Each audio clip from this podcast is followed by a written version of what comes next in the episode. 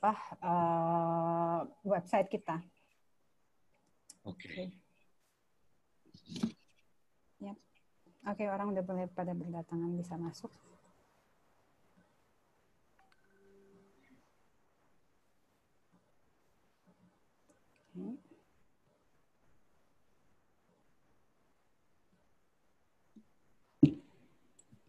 Ini gue cuma selamat datang, terus perkenalan Mas Adri, Terus habis itu langsung hand over ke ya. Adri. Mas Adri. Oke. Okay.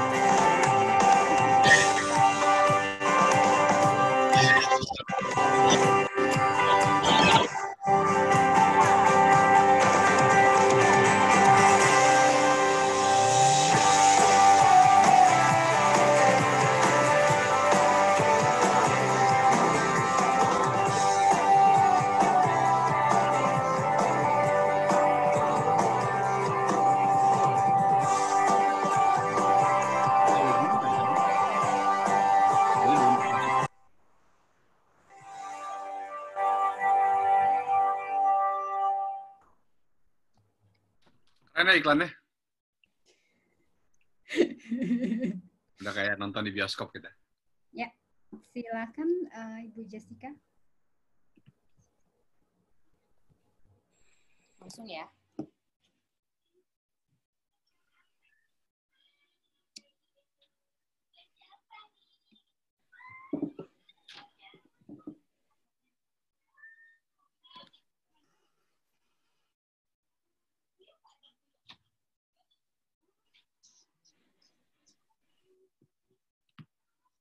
Oke. Baik, selamat datang di kelas uh, di webinar Removing Barriers to Embrace the New Normal. Ya, um, saya akan perkenalkan langsung untuk uh, pembicara pertama kita pada sore hari ini, yaitu adalah Mas Adri Basuki.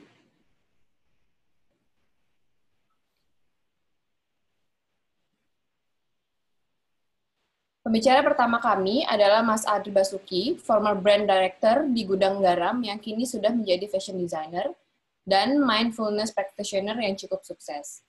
Ya, langsung saja uh, kami serahkan ke Mas Adri Basuki. Oke, selamat sore semuanya teman-teman yang ikut di webinar hari ini. Untuk um, hari ini saya mau share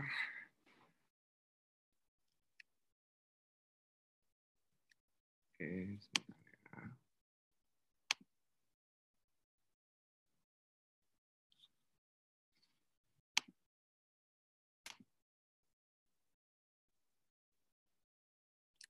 ya. Semua, uh, mudah-mudahan ini gambarnya jelas dan suaranya jelas kan ya? Tak jelas ya? Uh, ya jelas. Kalau ada yang nggak jelas, coba di chat aja kalau tidak bisa dengar ya. Ya, oke okay, teman-teman, selamat sore. Semoga kabarnya semuanya baik-baik, kabarnya uh, sehat.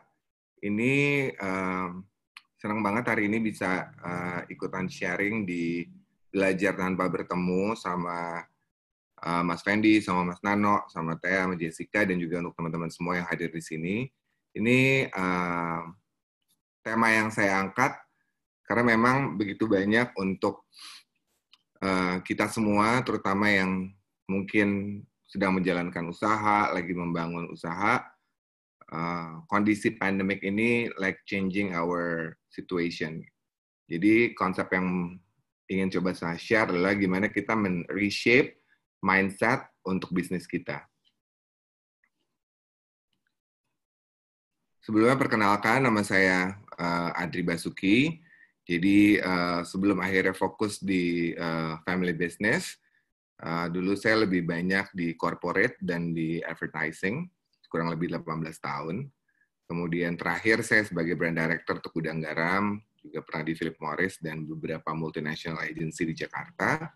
Sekarang fokusnya di Rumah Bahagia, It's a Mindfulness and Reiki House, dan juga a garment family business under my own name. Oke, okay. jadi pandemic is in the house. Jadi apa sih yang harus kita lakukan? Apakah kita memilih untuk jatuh atau kita prefer untuk survive? Beberapa hal yang ingin coba share, share di sini harapannya berupa uh, hal-hal uh, yang bisa dilakukan secara praktikal karena menurut saya sekarang dalam kondisi yang seperti ini, segala sesuatu yang terlalu teoritis atau segala sesuatu yang terlalu uh, apa uh, long term itu agak sulit karena the most important thing adalah how we manage our cash flow. Jadi saya akan coba share cara yang efektif, kemudian uh, tips and trick terutama untuk teman-teman uh, yang sedang sama-sama uh, menjalankan bisnis kira-kira marketing mix itu harus kita lihat dengan cara apa. Nah, kalau misalnya uh, marketer yang ada di uh, di industri, biasanya kita semua all the marketers pasti sudah terbiasa dengan marketing mix. Tapi menurut saya yang paling penting dalam kondisi ini, dalam kondisi sekarang ini adalah the mindset itu cannot be the same. Yang pertama adalah keuntungan besar saat ini bukan yang utama. Yang paling penting adalah how we manage our cash flow, terutama untuk meran mulai dari uh, orang yang bekerja dengan kita, kemudian bagaimana kita menggunakan semua bahan-bahan yang kita sudah persiapkan jauh sebelum pandemik ini berlangsung.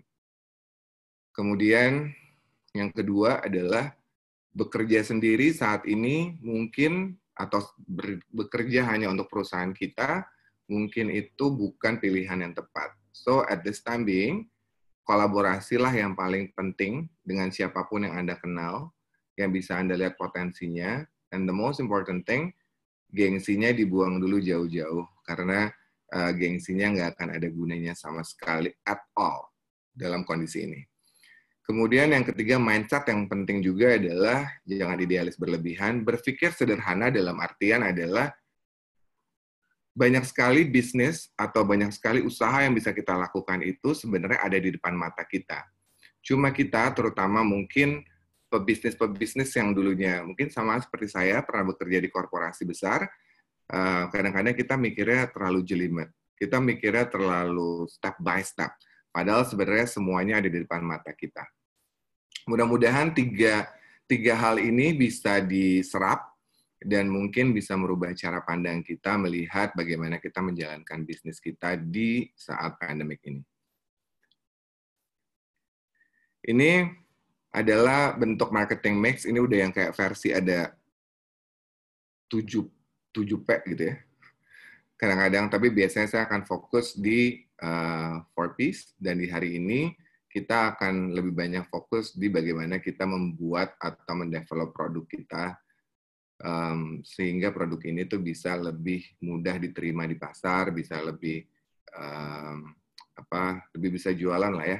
Jadi uh, uangnya bisa masuk untuk mengatur cash flow kita.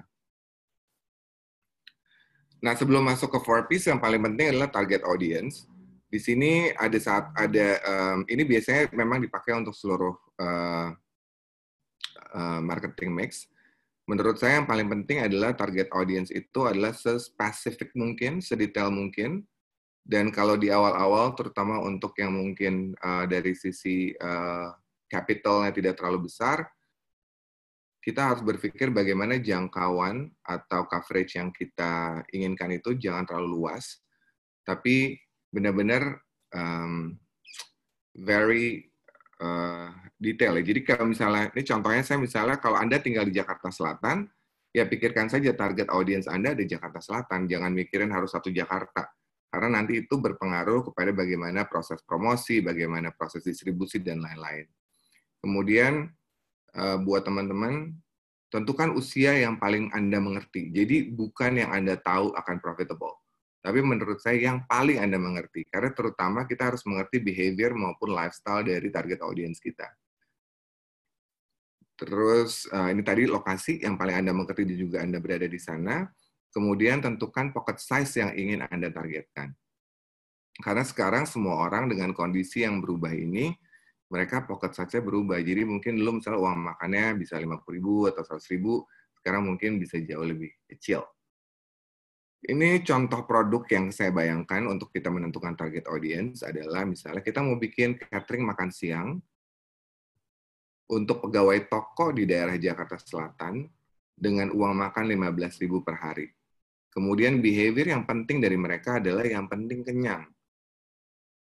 Nah, dari situ uh, ide yang keluar misalnya adalah catering makan siang semua serba telur. Jadi very specific. Kalau perlu misalnya memang daerahnya di ini Jakarta Selatan ya, mungkin mau lebih kecil lagi boleh bisa Cibubur atau di di mana pun teman-teman punya usaha, kemudian juga mulai bertanya-tanya kira-kira mereka untuk uh, uang yang di-spend dalam satu hari untuk makan berapa, dan juga cari mindset yang mereka pikirkan. Nah, ini kalau yang saya tangkap untuk pegawai toko misalnya, yang penting kenyang. Kemudian untuk jenis makanannya, kenapa serba telur? Karena telur rata-rata mudah diterima oleh banyak orang, dan juga uh, ya ada mungkin yang alergi tapi sedikit ya. Uh, terus uh, bisa dikombin dengan banyak hal. Oke. Nah, sebelum kita memulai bagaimana kita menjalani bisnis, setelah kita menentukan uh, setelah kita menentukan uh, target audience kita, sebenarnya menurut saya yang paling penting kembali lagi pada mindset adalah kenali dengan benar siapakah Anda di dalam sebuah bisnis. Jadi, apakah Anda lebih menyukai menciptakan produk atau Anda lebih tertarik menjual produk? Karena ketika Anda menyadari ini, jenis usaha yang bisa Anda lakukan itu bisa berbeda-beda. Dan itu akan membuat Anda lebih nyaman untuk mendevelop bisnis Anda. Ini ada saya cobanya saya coba buat uh, webinar ini dalam bentuk yang bentuknya mungkin lebih ke praktikal contoh. Jadi kalau misalnya Anda adalah tipikal orang yang suka menciptakan produk, atau ingin menjadi seorang produsen, ini saya bikinnya dari, dari kas, uh, contoh yang tadi yaitu nasi serba telur. Jadi yang pertama adalah ketika Anda punya konsep itu, kemudian amati produk sejenis yang ada di, ke, di kepala Anda. Nah, tahap awal ini, yang tadi mindset, buang jauh gengsi Anda, kemudian gunakanlah metode ATM, amati, tiru, dan modifikasi. Karena ini akan membantu Anda untuk at least mengurangi rugi yang ada di uh, project Anda ini. Kemudian uh, dari sisi uh, harga, ayo main-main dengan kreativitas agar bisa at least bisa memberikan uh, harga yang misalnya 10% lebih murah dibandingkan yang tersedia di pasar. Kemudian tes pasar juga penting dalam hal ini mungkin kalau perusahaan besar ada research kualitatif, ada kuantitatif. Ini yang paling penting adalah orang-orang yang kemungkinan merupakan target audience Anda, Anda bisa mulai beri coba mereka, kasih sampel, dan kita lihat sebenarnya apa sih kurangnya. Karena this is very important. Nah, yang berikutnya nih sampai uh, ini ada beberapa. Saya mencoba untuk membuka horizon in term of berikan nilai lebih dari sisi produk yang membuat Anda berbeda. Tidak harus banyak, gitu ya. Tapi harus menarik perhatian. Contohnya sekarang kalau misalnya saya lihat begitu banyak, um, I think biasanya ini di bisnisnya uh, noodle jadi dia ada uh, level kepedasannya gitu. Nah, biasanya itu untuk kalangan middle up. Tapi menurut saya untuk ini pun kita bisa buat kayak gitu juga. Kita bisa buat kalau misalnya cabenya itu atau sambelnya itu ada levelnya. Even though harganya 15 ribu, tapi pilihannya juga jadi lebih banyak. Kemudian uh, sekarang ini di masa pandemik uh, selalu uh, the theme untuk berbagi untuk sesama itu selalu menyenangkan. Jadi misalnya Anda bisa memberikan sesuatu yang sebenarnya tidak terlalu mahal, yaitu misalnya gratis air minum air putih gitu ya, uh, untuk orang-orang yang membeli. Kemudian um, ini yang nomor enam menurut saya penting karena kadang-kadang kita suka lupa. Jadi gunakan semua aset yang Anda miliki untuk uh, membuat produk Anda menarik gitu ya. Misalnya punya ibu atau adik yang humoris, yang mukanya lucu gitu ya, jadiin logo aja. Gitu.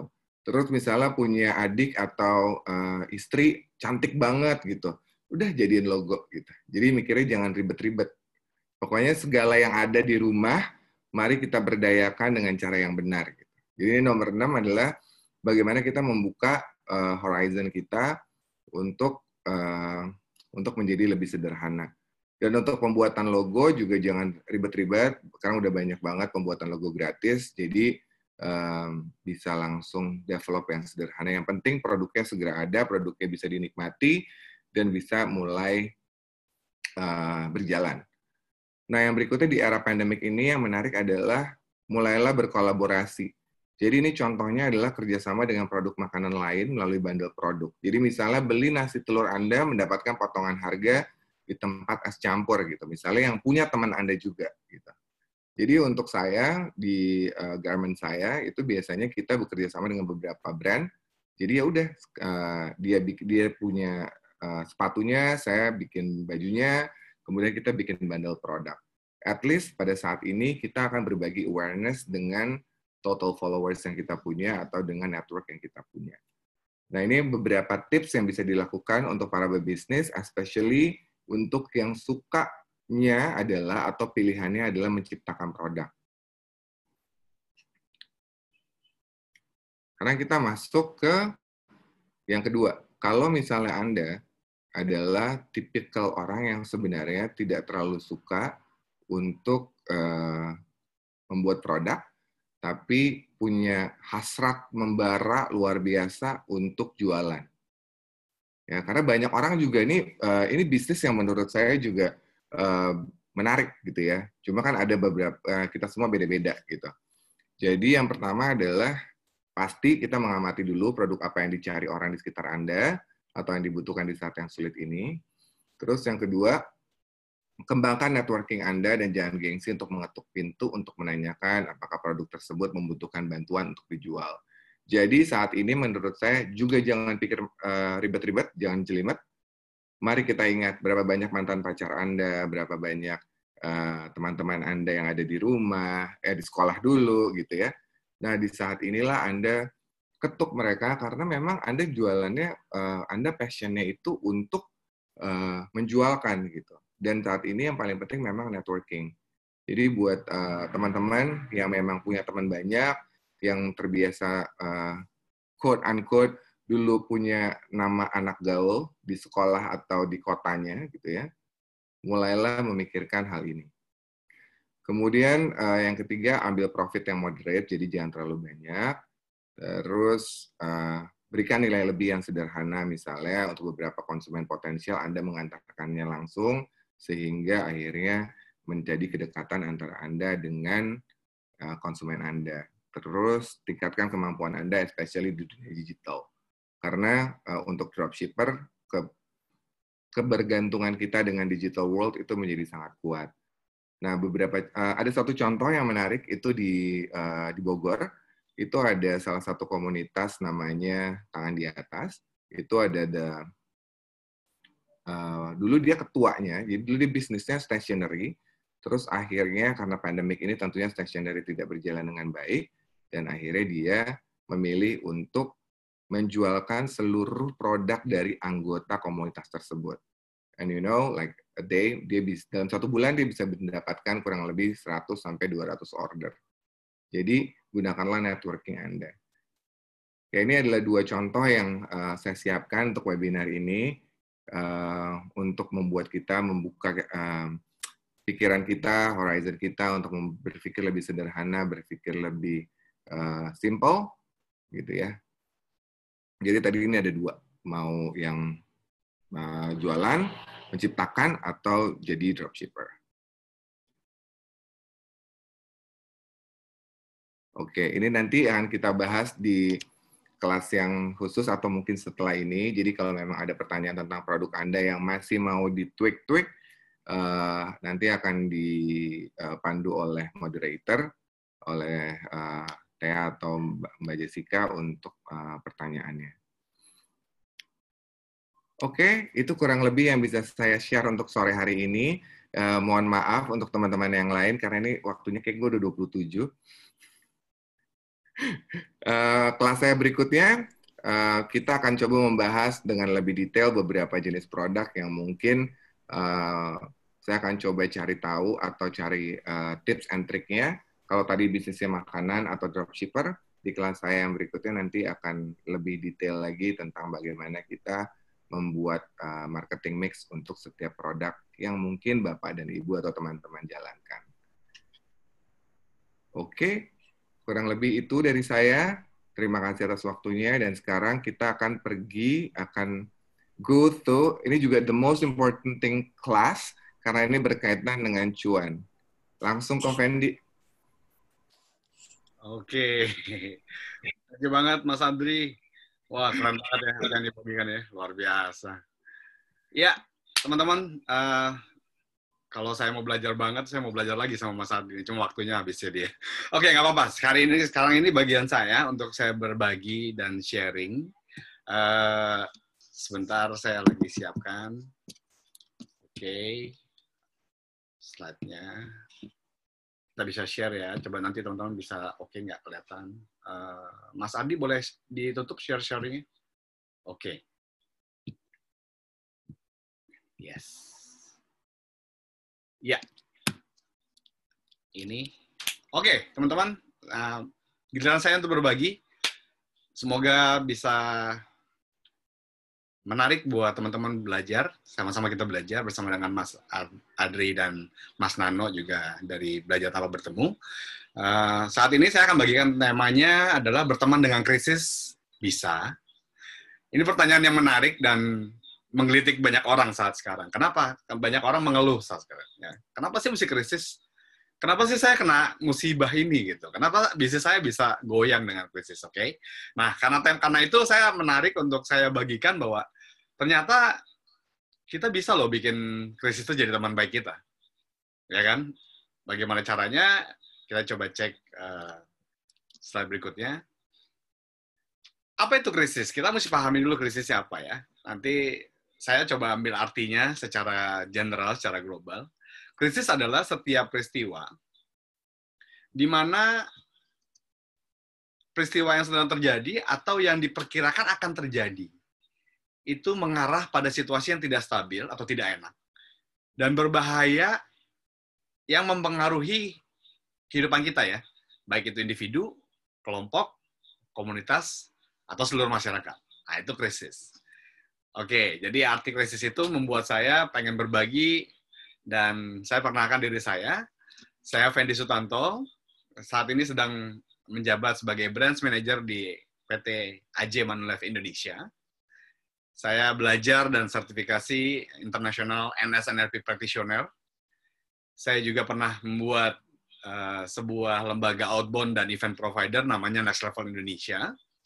Dan sekarang saya di masa krisis ini saya bangun sebuah komunitas milenial namanya Milehpedia Community yang banyak belajar tentang investasi, proteksi, dan bagaimana mengelola aset secara sehat, sehingga krisis-krisis uh, yang datang nanti itu tidak akan menggoyangkan kita atau tidak akan membawa kita hancur. Oke? Okay?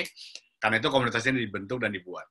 Nah, saya juga pernah sebagai associate trainer dari LPPI, Lembaga Pengembangan Perbankan Indonesia, dan juga membantu Project Express di taksi uh, taksi group ya, Express Taksi Group itu bersama dengan teman-teman di Inspire Recruitment and Consulting.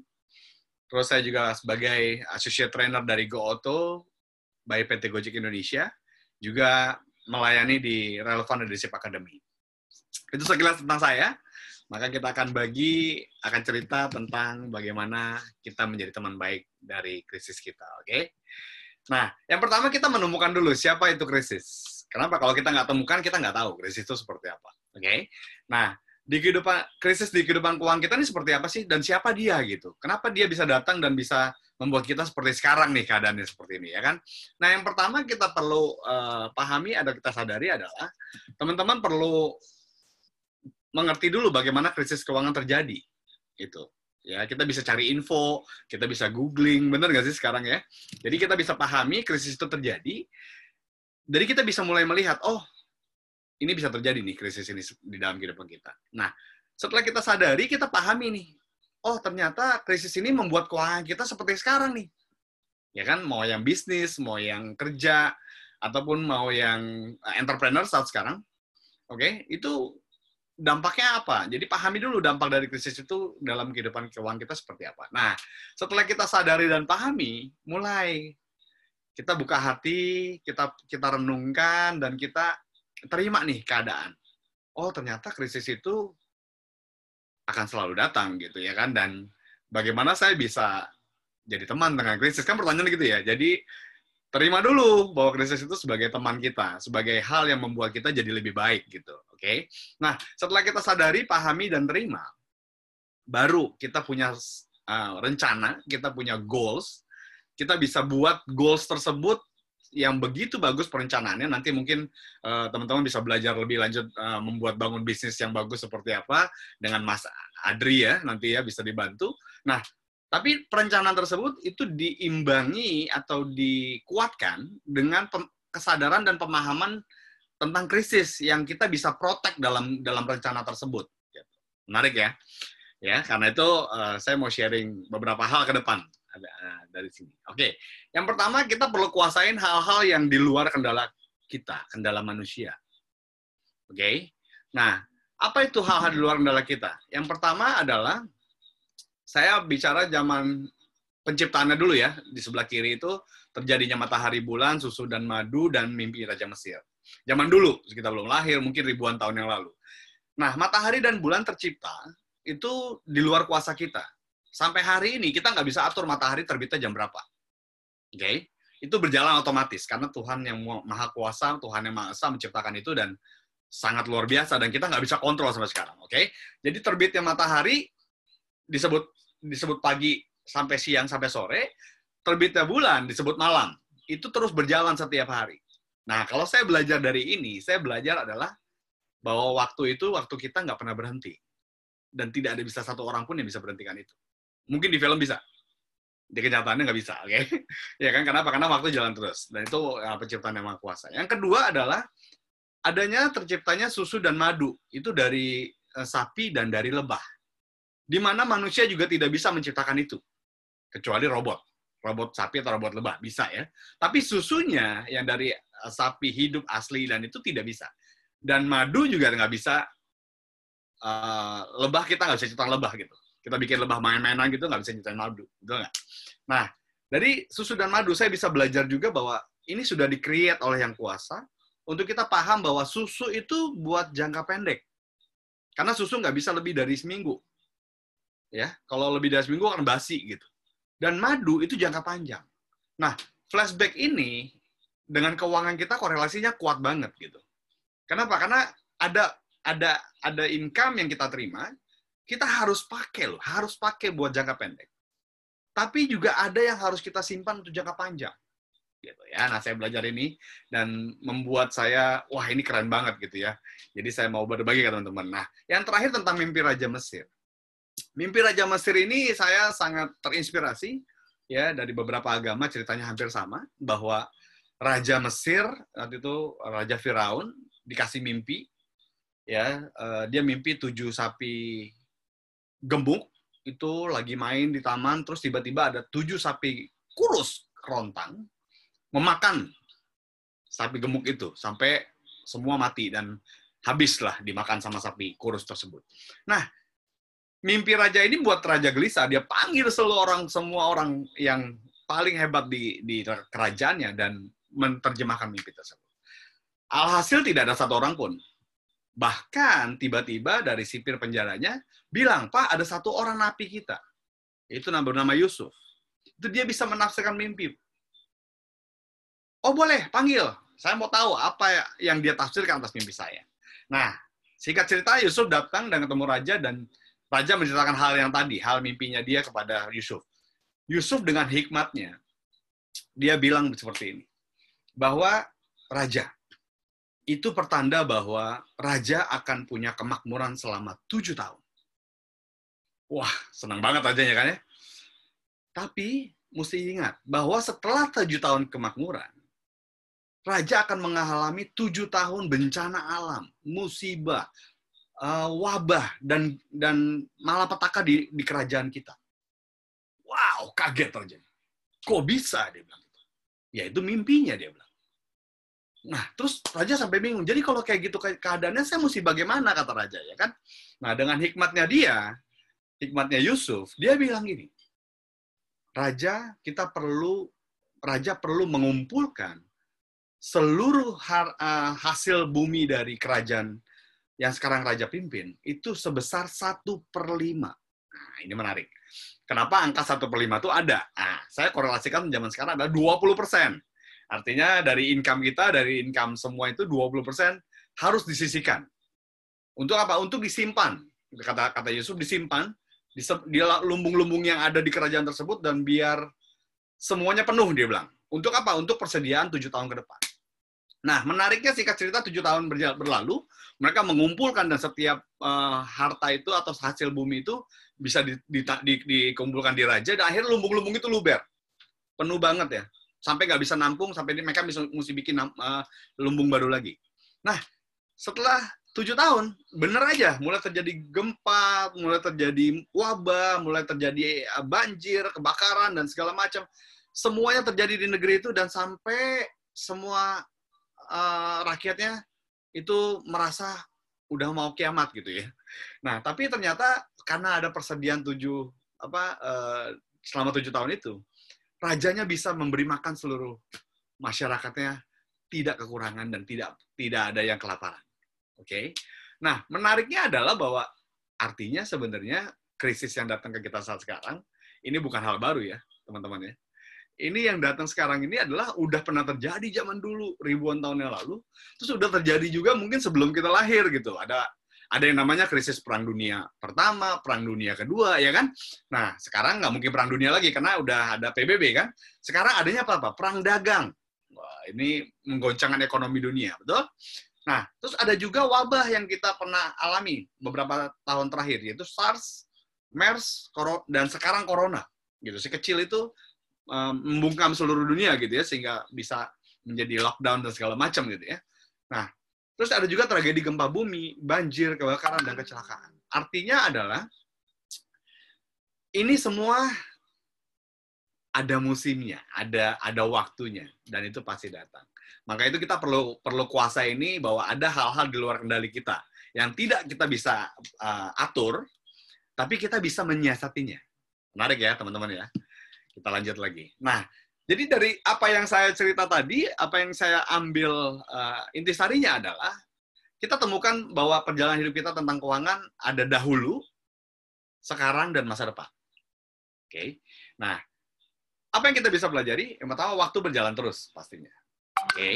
Yang kedua adalah fasenya ada jangka pendek, ada jangka panjang. Jadi kalau teman-teman mau investasi, teman-teman mau menabung, teman-teman mau dapat income, itu punya fase mau dipakai jangka pendek, mau jangka panjang, nah, jangka panjang itu pilihan sama teman-teman. Oke, yang ketiga, krisis kehidupan pasti datang. Nah ini yang menarik. Saya bukan nyumpahin, tapi menurut saya kita nggak bisa uh, terlena atau nggak bisa, oh nggak mungkin ada krisis lagi deh. Kita nggak mungkin ada krisis selamanya, itu nggak mungkin gitu. Tapi kita tahu bahwa pasti datang, cuma kita nggak tahu waktunya. Kita nggak tahu waktunya, tapi kita bisa baca polanya. Artinya pola adalah kita bisa prepare kalau progresi sudah datang sekitar 5 sampai 7 tahun lagi atau 7 sampai 10 tahun lagi, kita sudah siap. Itu polanya. Oke? Okay? Krisisnya kita nggak bisa atur. Setuju ya? Nah, pertanyaannya adalah siap nggak untuk untuk untuk itu, untuk kita menyongsong era baru sekarang? Tapi kita siap nggak kalau misalnya krisis itu bisa datang kembali? Oke? Okay? Menarik ya, kita lanjut lagi. Nah, krisis yang ba krisis itu bisa membuat kita baik dan buruk. Sama seperti teman kita baik dan buruk pilihan sama kita. Krisis itu bisa bikin kita baik atau kita buruk, ya kan? Kenapa? Karena krisis itu pasti datang pada waktunya dia, bukan pada waktunya kita. Oke? Okay? Tanpa kita sadari, membuat kita menjadi lebih baik atau lebih buruk dari sebelumnya. Kalau jadi lebih baik, otomatis kita bisa create atau kita bisa uh, berdayakan krisis itu membuat diri kita jadi lebih baik. Bisnisnya bisa muncul baru, ya kan? Income kita bisa bisa bisa masuk melonjak ke ke ke, ke tempat di mana kita nggak pernah prediksikan. Tapi bisa juga bikin kita jeblok gitu ya. Nah, itu krisis. Nah, sama seperti teman. Teman juga pasti datang dan pergi dalam kehidupan kita. Setuju ya? Nah, teman ini juga bisa membuat kita baik kalau kita ketemu teman baik. Tapi bisa bikin kita buruk kalau ketemu teman-teman yang buruk. Karena itu pilihan sama kita. Oke. Okay? Nah, kalau saya melihat dari semua ini, saya merasa bahwa kita perlu berteman baik dengan mereka. Dengan krisis itu kita perlu berteman baik. Kalau sama teman kita pilih yang baik gitu, ya kan? Tapi bagaimana ya? Kita mulai bagaimana merencanakan itu. Bagaimana merencanakan keuangan kita yang yang baik ya sehingga dalam krisis kita tetap baik gitu. Oke ya. Nah, ini tips saja buat teman-teman karena waktu saya juga nggak banyak. Tips buat teman-teman untuk bagaimana kita bisa berteman dengan dengan krisis. Yang pertama adalah ubah mindset kita terhadap krisis. Jangan kita menghujat krisis itu sendiri atau jangan kita komplain dengan krisis itu. Atau jangan kita menyalahkan krisis atau keadaan, oke? Okay? Tapi bikin krisis itu adalah teman yang datang, tapi buat kita berpikir keras, keluar dari zona nyaman kita, keluar dari bisnis yang usual kita. Untuk apa? Untuk kita mempersiapkan satu strategi baru yang lebih baik strategi baru yang luar biasa cemerlang sehingga apa? Sehingga kita melompati rasa nyaman kita menjadi sesuatu yang terbaik dalam kehidupan kita, menggali potensi kita dalam hidup kita. Oke, okay? ubah mindset itu dulu yang pertama. Yang kedua, kita harus punya mentor. Ini tiga hal ini penting banget. Kita harus punya mentor. Saya jatuh bangun dalam bisnis dalam krisis, saya punya mentor. Gitu. Nah, mentor ini yang bisa menemani saya atau kita semua dalam melalui krisis loh. Artinya bukan berarti dia jawab krisis kita tidak dia menemani kita dan kita bisa belajar dari dia sehingga kita tidak perlu mengalami puluhan tahun jatuh yang dia udah alami. Dia bisa bantu kita mempercepat itu untuk tidak mengalaminya. Oke. Okay? Nah, yang ketiga kita perlu perlu banget bertanam dalam komunitas keuangan yang sehat. Ya, belajar bersama-sama membangun habit yang baik. Nah, karena itu saya membuat yang namanya komunitas Milahpedia. Kenapa? Teman-teman bisa masuk ke dalam IG-nya, Milehpedia atau uh, YouTube channelnya kita, Milehpedia TV. Nah, teman-teman di situ akan dapat edukasi tentang keuangan. Ya, bagaimana manage segala macam. Nah, kita juga punya acara-acara uh, yang offline yang di coffee, coffee shop kita bikin, kita kumpul, kita sharing dan segala macam. Hidupi itu, ya, tertanam di sana, punya teman-teman yang baik, bangun habit yang baik. Oke? Okay? Nah, dari situ apa sih tindakannya? Apa sih yang perlu kita action, ya? Ini tinggal slide saya yang terakhir nih. Oke, okay? yang ada empat hal yang kita perlu lakukan dalam kehidupan kita. Yang sekarang nih, yang sekarang sudah terjadi, ya sudah terjadi, ya kan? Nah, yuk apa yang kita perlu lakukan? Yang pertama adalah kita restrukturisasi, restrukturisasi keuangan dengan apa adanya, bukan ada apanya. Oke, okay? banyak orang mengeluh bahwa ah, ini krisis ini bikin saya bangkrut, bikin saya rugi gitu ya. Tapi kenyataannya dia masih punya aset. Ya, aset dia masih ada di mana-mana yang dia nggak tahu gitu. Artinya bukan keluarganya nggak tahu, dia tahu gitu ya kan. Tapi dia ngerasa krisis gitu. Nah ini yang mungkin menurut saya kita perlu bongkar. Nah bahasanya teman-teman Mas Adri sama Mas Nano kemarin kita berdiskusi, kita perlu bongkar dulu ya nggak? Kalau kita nggak bongkar, kita nggak tahu apa yang kita akan lakukan. Betul nggak sih? Ya kan? Semuanya kalau tertutup kan ya udahlah akal-akalan gitu. Tapi kalau kita bongkar apa adanya, maka kita bisa tahu intinya seperti apa. Oke? Okay? Nah dari situ saya uh, mempelajari yang kedua adalah pelajari bagaimana kita mengelola keuangan kita mulai dari nol. Mulai dari nol. Saat ini kan anggaplah kita anjlok gitu ya. Kita mulai dari nol. Bahkan ada yang minus sekarang. Jadi nggak usah heran, nggak usah heran. Nggak apa-apa juga. Tinggal bagaimana kita pelajari itu dan kita kelola. Yang dari minus datang eh, bisa sampai nol dulu, dari nol baru kita plus. Ya, yang dari nol kita bagaimana mengelola untuk jadi plus dan plus kuadrat. Yang dari plus sekarang bersyukur banget karena memang udah punya aset lama apa banyak dan peninggalan dari orang tuanya itu uh, anugerah banget. Bagaimana yang dari plus itu jangan turun malah, tapi bikin plus kuadrat plus pangkat tiga. Oke, okay? nah itu kita mesti pelajari dan bagaimana ngelola itu. Nah, terus pahami kondisi saat kita sekarang. Bagaimana kita siasati? Bagaimana nih dengan uang yang kurang kita bisa kita menyusun yang yang banyak itu, betul nggak sih? Nah itu yang yang yang menarik. Jadi teman-teman perlu pelajari itu. Dan yang terakhir, bagaimana kita mengelola dana darurat versus proteksi dan investasi. Kenapa? Karena banyak orang di luar sana, waktu bangun bisnis, mereka bilang saya udah saving. Saving itu sebagai uh, dana darurat, sebagai sekaligus proteksi, sekaligus investasi. Nah ini mindset yang salah. Oke, okay? teman-teman perlu gali itu lebih banyak. Teman-teman perlu masuk ke dalamnya. Bagaimana mempersiapkan itu secara idealnya. Oke, okay? nah tinggal baru kita mulai step by stepnya. Nah, ini semua action yang bisa dilakukan teman-teman nggak usah khawatir, saya sudah siapkan workshopnya, ya, saya sudah siapkan workshopnya. Bagi teman-teman yang tertarik, teman-teman boleh ikut workshop kita. Ya, itu the core of financial planning. Hari Selasa tanggal 23 Juni 2020 jam 7 malam. Oke, sampai jam 8.30 dan untuk peserta webinar kali ini saya kasih hadiah ya gratis robot WA sebesar harga 300 ribuan khusus cuma untuk 10 pendaftar pertama loh ya. Dan waktunya itu cuma satu kali 24 jam. Ya nanti uh, Binky dan teman-teman host akan membantu memfasilitasi itu. Kalau yang daftar duluan langsung dapat hadiah dari saya. Nanti uh, kirim emailnya saya kita akan kirim by email untuk bagaimana caranya. Oke? Okay? nah ini yang bisa kita berikan. Semoga bisa membantu ya. Nah, thank you banget udah belajar bersama kita. Kita lanjut ke pembicara kita yang luar biasa coach yang saya bilang ya. Saya seorang coach kesehatan ya kita panggil Mas Nano thank you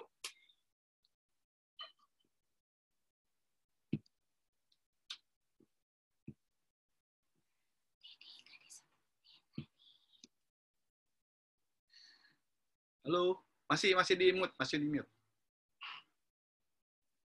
Unmute. Yes. Halo. Halo. Hai. Halo.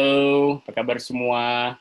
Uh, terima kasih semua yang sudah bergabung di dalam webinar ini. Uh, juga terasa uh, suka juga bisa sempat tadi belajar bersama dengan Mas Adri dan uh, Mas Wendy juga. Uh, terima kasih juga untuk belajar tanpa bertemu dan juga uh, Mbak Jessica yang sudah membantu untuk uh, mengatur dari sisi adminnya juga. Uh, perkenalkan, nama saya Nano, dan untuk saya sekalian untuk present share, share screen. Okay. Kak. Jadi topik yang saya akan bawa untuk hari ini itu adalah uh, the new normal being, healthy and fit, uh, panduan bagi yang bingung, frustrasi dan putus asa. Jadi uh, presentasi ini sebetulnya mulai karena saya juga sempat banyak uh, sempat berbicara sedikit-sedikit dengan beberapa mantan rekan-rekan dan rekan-rekan yang baru dan juga beberapa dari teman-teman uh, dan bahkan dari beberapa mantan klien juga yang suka menanyakan bagaimana dengan pandemi ini uh, untuk dari sisi latihan atau dari sisi uh, untuk program. Jadi karena saking banyaknya peraturan-peraturan baru, jadi mungkin temanya juga uh, dibikin sebagai panduan dulu ya, karena memang nanti dari sini akan ada semacam kelas uh, lanjutan yang memang tujuannya adalah untuk bisa lebih tenang. Gitu. Jadi saya akan mulai uh, menceritakan sedikit mengenai background saya. So, ini saya. Uh, saya lulusan dari Universitas uh, Rock University dari Pennsylvania. Uh, itu college saya, Health, Environment, and Science. Uh, saya lulus dengan gelar double, Exercise Science and Communication, dan juga minor di gerontologi. Gerontologi itu studi populasi usia lanjut jadi ketika waktu memutuskan untuk mengambil minor itu sebetulnya lebih untuk menunjang uh, dari sisi major exercise science-nya itu bisa mempunyai langkah yang lebih uh, panjang lagi dari sisi karir dan juga untuk bisa mempunyai uh, cara untuk bisa berinteraksi dengan market yang lebih luas lagi, apalagi yang kalau dari sisi istilah uh, baby boomer. Jadi dari semua juga bisa akhirnya bisa lebih dipahami. Saya akan lanjut sedikit. Di sini adalah uh, karir saya selama ini. Jadi setelah saya lulus dari Sleep Rock itu, saya bekerja di Wellness Center di Vanderbilt, dan saya di situ sebagai program koordinator. Lalu setelah pulangnya saya kembali ke Indonesia, ke Jakarta di tahun 2004, beberapa bulan kemudian saya masuk ke Fitness First, yang kemudian itu cuma hanya beberapa tahun saja, hampir 8. Lalu saya sempat melakukan freelance dulu untuk mengajarkan sertifikasi internasional, American Council on Exercise. Lalu setelah itu di 2013 saya masuk ke Goals Gym, uh, dan itu hampir empat tahun dan baru saja baru saja saya juga baru selesai untuk uh, bekerja sama di suatu project bersama uh, Studio Fitness bersama Soulbox Dan saya bekerja itu lebih banyak di latar belakang pendidikan. Pendidikan dalam arti melatih para staff-staff yang baru, tapi juga para manajer. Tapi di sampingnya saya juga melatih para klien juga di jam-jam yang kosong. Dan di waktu luang saya sengaja naruh dua gambar ini, dua foto ini. Ini adalah foto ketika saya waktu uh, terakhir yaitu di New Zealand uh, dan melihat betapa indahnya fotonya itu. Jadi uh, dan karena juga pandemi juga sempat memikirkan terakhir kali travel ke mana ya? Ya ini juga semacam kayak untuk mengingatkan juga uh, bagaimana uh, life has happened and apa yang bisa diingat, apa yang sudah dilakukan karena dengan masa-masa pandemi ini semua lebih cenderung lebih pelan. Everything stops and everything stops becoming very slow. And dan yang terakhir adalah ini adalah medali terakhir saya untuk lari. Saya juga suka olahraga lari selain dengan olahraga-olahraga lainnya. Uh, dan sekarang ini kalau dari gambar yang terakhir, kalau misalnya sempat penasaran, ini adalah uh, kertas blueprint. Jadi yang saya katakan sekarang kepada orang-orang itu adalah saya membuat uh, wellness blueprint ke orang-orang yang memang tertarik untuk mempunyai blueprint itu sendiri. Karena yang saya bisa tarik dari pengalaman saya yang hampir 20 tahun di commercial fitness, di dunia fitness ini adalah banyak sekali eh, fase-fase yang di mana uh, para member itu akan melalui fase-fase yang sebetulnya sudah harus outgrow themselves untuk bisa menjadi yang lebih baik lagi. Dan untuk memikirkan uh, fitness itu sudah tidak bisa seperti yang biasa lagi. Karena orang kalau mikir sehat what's healthy? What's fit? Ya penting ya penting sih. Tapi susah. Gimana gimana mulai? Nggak ada waktu. Tapi pengen. Jadi kalau ngeliat dari sisi definisi apa itu health apa itu fit secara definisi mungkin tahu kalau saat itu bebas dari penyakit atau cedera, fit itu juga uh, kondisi yang di mana uh, kesehatan cukup prima dan bisa melakukan aktivitas-aktivitas lebih dari biasanya. Jadi itu secara konteks definisinya. Tetapi dengan adanya sosial media dan media-media cetak yang sekarang sudah mulai berkurang, kita apalagi para member atau masyarakat dibombardir dengan visual-visual yang menunjukkan sehat atau bugar itu seperti ini. Jadi lebih kepada uh, visual uh, meaningnya, arti dari visualnya itu yang menggarisbawahi sehat harus punya badan seperti ini, uh, fit juga harus bentuk seperti ini. Jadi health and fit itu sebetulnya untuk menjadi daya tarik estetika saja dan visual untuk uh, dijadikan kayak semacam resume atau bahkan sebagai badge of honor yang mereka bawa terus, apalagi mereka posting ya di social media. Nah, dengan adanya si COVID-19-nya ini, ini baru saya apa namanya uh, iseng Google dari sisi apa berapa jumlah hits yang yang ada itu ternyata semakin spesifik semakin banyak. Jadi nggak heran ya kalau awal-awalnya si Homer nih kayak Hah, 400 hampir 450 uh, ribu. Ini mulainya gimana milih dari mana nih? Terus makin ke bawah udah mulai frustrasi terus sampai ke bawah ah putus asa deh nggak tahu harus mulai dari mana ya itu untuk bagi-bagi yang bagi yang nggak tahu harus mulai dari mana ya tapi kalau misalnya yang sudah tahu ya mereka paling tetap melanjutkan apa yang mereka sudah biasa lakukan, yaitu ya entah itu lari atau sepeda. Tapi dengan adanya PSBB dan juga untuk uh, social distancing, semua itu juga akhirnya harus berubah dan itu juga sudah akan masuk menjadi uh, tata krama yang baru untuk uh, yang punya gym bisnis atau yang mau ingin kecimpung di uh, bisnis gym juga seperti itu. Jadi uh, dari ini semuanya mulailah dengan banyaknya informasinya ini jadi harus mulai dari mana? How do I start? Where do I begin? I don't know what to do. Gitu. Jadi ada kesan bahwa dengan iseng-iseng melihat dari sisi uh, social media atau dari sisi internet juga berita-berita di internet memang banyak uh, saking banyak informasinya, tapi tidak juga menjelaskan bagi orang-orang yang sama sekali belum pernah atau belum mulai lagi, bagaimana caranya memulai. Apalagi ya nggak semua orang punya treadmill, nggak punya nggak semua orang punya sepeda, nggak semua orang punya alat-alat. Dan kalau misalnya pakai berat badan sendiri, aduh naik tangga udah ngos-ngosan seperti itu. Jadi uh, dengan adanya uh, kesulitan dalam memulai itu yang akhirnya muncul yang namanya istilah COVID body. COVID body-nya di sini uh, seperti yang di kartunnya apa si Homer Simpson-nya itu. Jadi semakin banyak kita dorman, semakin kita banyak santai dan tidak banyak bergerak, semua makanan-makanan yang kita asup dia cuma hanya ngendap.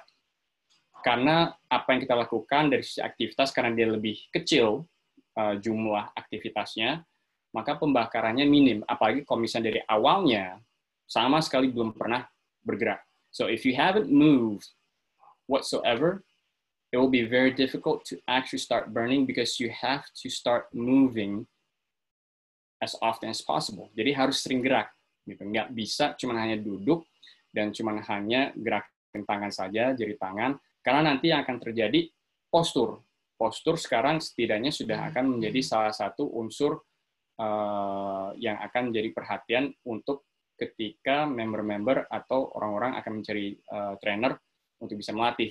Karena kalau sudah terlalu banyak duduk, kita nggak tahu otot-otot mana saja yang dorman, yang tidur, sehingga ketika mulai melakukan sesuatu aktivitas seperti mungkin kayak cuci piring, piring agak sedikit lebih rendah, kita nyuci, terus kita harus agak sedikit ke bawah untuk mengambil piring, we have to pick up the plate, we pull our back. Punggung akhirnya ketarik, sakit jadi hal-hal kecil lah, meskipun banyak riset-riset seperti yang di slide-nya ini yang menunjukkan kalau latihan itu memang sangat membantu dalam meningkatkan daya tahan uh, sistem kekebalan tubuh. Gitu. Jadi individu-individu yang biasanya sering latihan, dia mempunyai insiden yang lebih rendah ketimbang sama mereka yang tidak aktif atau yang sangat uh, jarang bergerak. Gitu. Jadi dengan seringnya aktif di sini kata kuncinya yang untuk poin kedua adalah being physically active ya. Bukan uh, being physically fit, tapi physically active dalam arti kata banyak gerak itu dapat membantu mengurangi eh, penyakit-penyakit uh, yang kronis. Ini seperti kayak diabetes, obesitas, penyakit-penyakit yang um, sekitar dari sisi kardiovaskular, jantung, stroke, seperti itu. Jadi, kalau dilihat semakin uh, ke sini, banyak yang akhirnya menanyakan mengenai, mengenai oke okay, se, seberat apa latihannya dan se, se sering apa frekuensinya, intensitasnya, waktunya, temponya dan kalau misalnya saya nggak suka bagaimana. Tapi memang banyak yang harus dilihat dari sisi bagaimana individu itu sebelumnya sebelum dia mulai latihan. Jadi poin dari riset yang tadi uh, itu adalah sebetulnya dengan melakukan kegiatan-kegiatan yang kecil saja sebetulnya sudah bisa membantu untuk membuat badan lebih sehat dan lebih fit atau bugar gitu karena sebetulnya dengan kita uh, banyak bergerak kalori yang ada di badan kita itu akhirnya kepake dan kalau misalnya kita memang sebelumnya sudah sering gerak yang namanya badan kita itu dia akan juga bisa menggunakan yang namanya kalori-kalori yang ada di badan kita itu untuk menjadi tenaga kalau kita lebih banyak sering duduk kalau kita lebih banyak sering main HP atau main games, nggak banyak yang digunakan, cuma hanya otak saja. Jadi justru tangan, kaki, badan karena dia nggak sering banyak digunakan, akhirnya yang terasa lapar, ya lapar karena harus nyemil, nyemil terus. Karena otak terau, uh, otak selalu on ya, jadi karena selalu on, dia selalu dipakai. Jadi dari situ mau nggak mau nyemil terus, nyemil terus, tapi yang tidak diperhatikan di sini adalah jenis cemilannya. Jadi uh, kualitasnya, terus berapa porsinya, terus variasinya mungkin udah terlalu sering banyak uh, sering sama Gojek uh, untuk GoFood pesan-pesannya. Jadi nggak tahu deh dari sisi historinya mungkin udah udah banyak dari sisi pesanan-pesanannya. Jadi rekomendasi memang setiap orang itu beda-beda.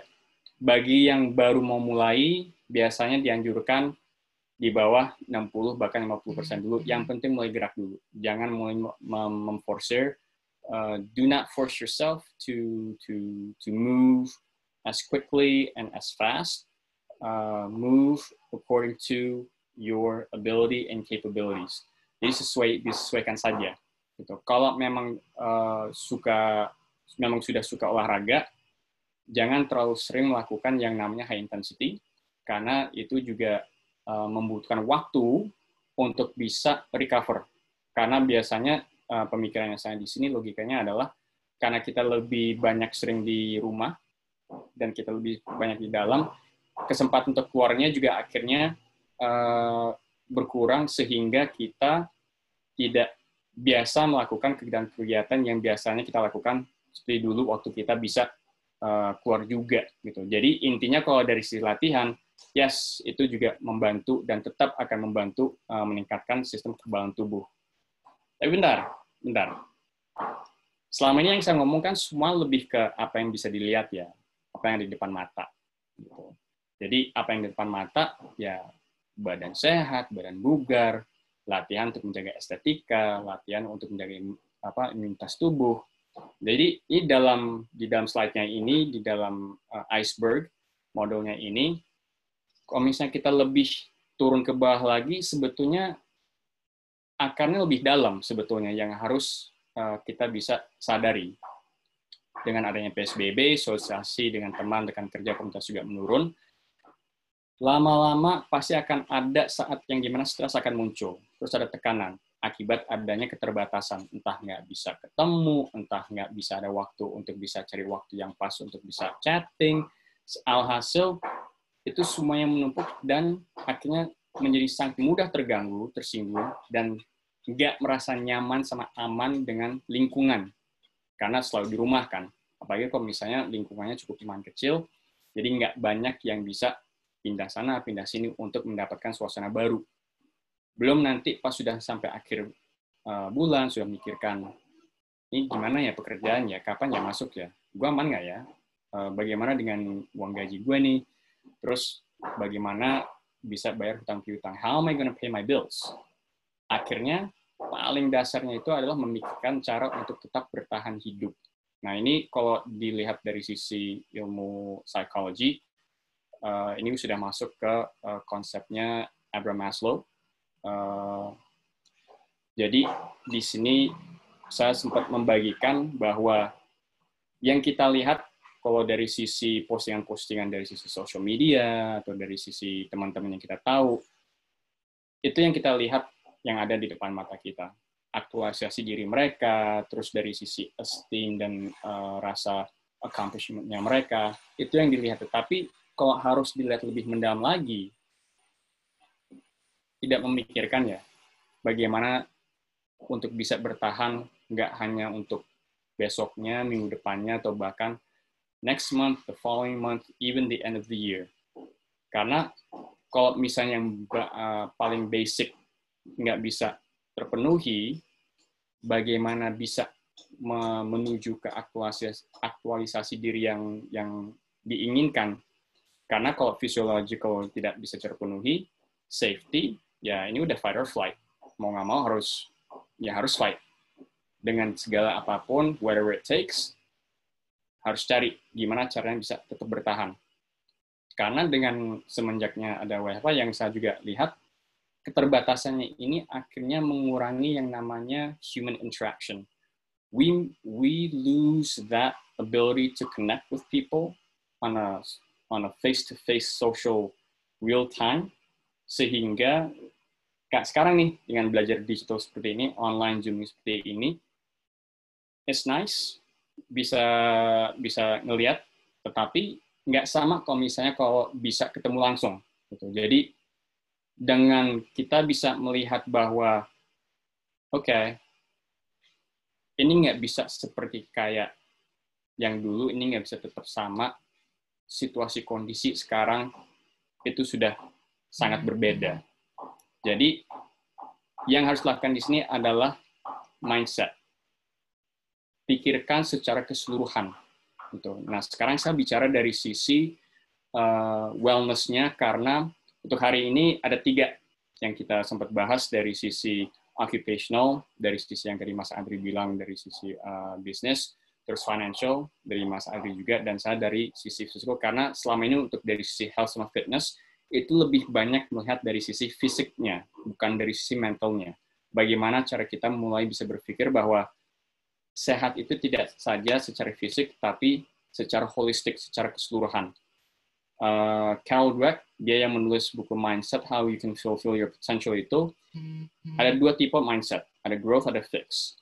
Growth itu melihat sesuatu tantangan menjadi sesuatu hal yang menjadi uh, melihat tantangan itu sebagai sesuatu hal yang dia bisa belajar. Kalau dia bikin salah, ya nggak apa-apa. Belajar lagi, dia cari solusi, nggak apa-apa, jatuh bangunnya itu justru yang akan menjadi bensin fuelnya dia untuk berdiri lagi. Fix, kalau dia dapat tantangan, dia cuman, oh susah, oh latihan nggak ada waktu, aduh gimana ya, aduh tar dulu deh, terlalu banyak alasan karena ya udah pikirannya sudah fixed gitu. Jadi kalau saya tarik dari dua pembicaraan uh, dari Mas Adri dan uh, Mas Wendy juga, akhirnya mindset memang cukup penting dalam bisa uh, menghadapi new normal. Jadi untuk dari saya simple, just keep it strict, simple strict dalam arti kata jangan uh, terlalu mewah-mewah, disiplin, tapi jangan terlalu yang susah-susah juga. Mulai dari diri sendiri dulu. Do what you can with what you have for now, but often, sesering mungkin. Jadi kalau misalnya ada tangga, naik turun sehari sekali. Tapi lakukan setiap hari. Jalan kaki depan rumah. Mau itu cuma 2-3 rumah ke kiri, terus balik lagi, lakukan setiap hari. Semenjak WFH, eh, sekarang kegiatan saya itu nyuci piring, nyiram kebun, dua kali sehari, eh, terus belum kebun atas, eh, nyapu, terus buang sampah, kalau sudah penuh. Jadi memang dengan melakukan yang namanya house chores saja itu bisa bikin keringetan juga. Jadi itu sebetulnya juga bisa menggantikan latihan, tapi latihan menjadi dukungan nantinya kalau sudah mulai bisa latihan fitness lagi. Nourish pada saat makan, pada saat minum, coba pikirkan dari sisi kesehatan sama energi. Saya nggak percaya sama diet karena apa yang kita makan itu harus damai jaga kualitas, porsi variasi, dan kenikmatannya. Sleep, fokus sama kualitas. Jangan uh, terlalu memikirkan berapa jam harus tidur gimana, yang penting bisa tidur. Key point di sini adalah otak itu harus bisa istirahat. Jadi jangan main HP sebelum tidur, atau yang bagi yang suka uh, drakor-drakor, jangan.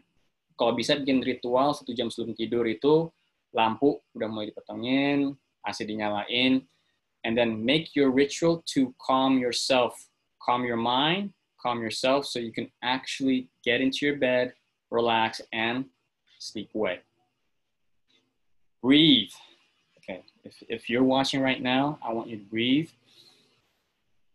And then exhale slowly. And do that a couple of times while I finish the slide. Kadang karena kita saking sibuknya, kita lupa untuk bernafas.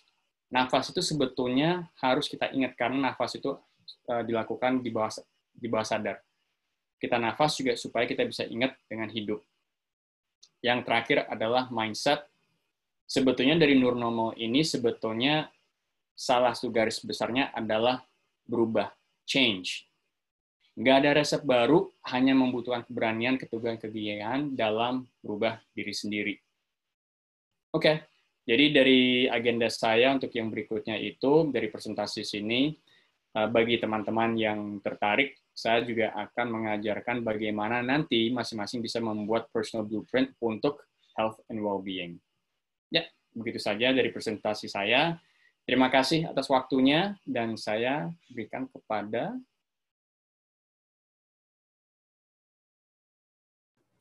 Mbak Jessica. Saya, kepada saya.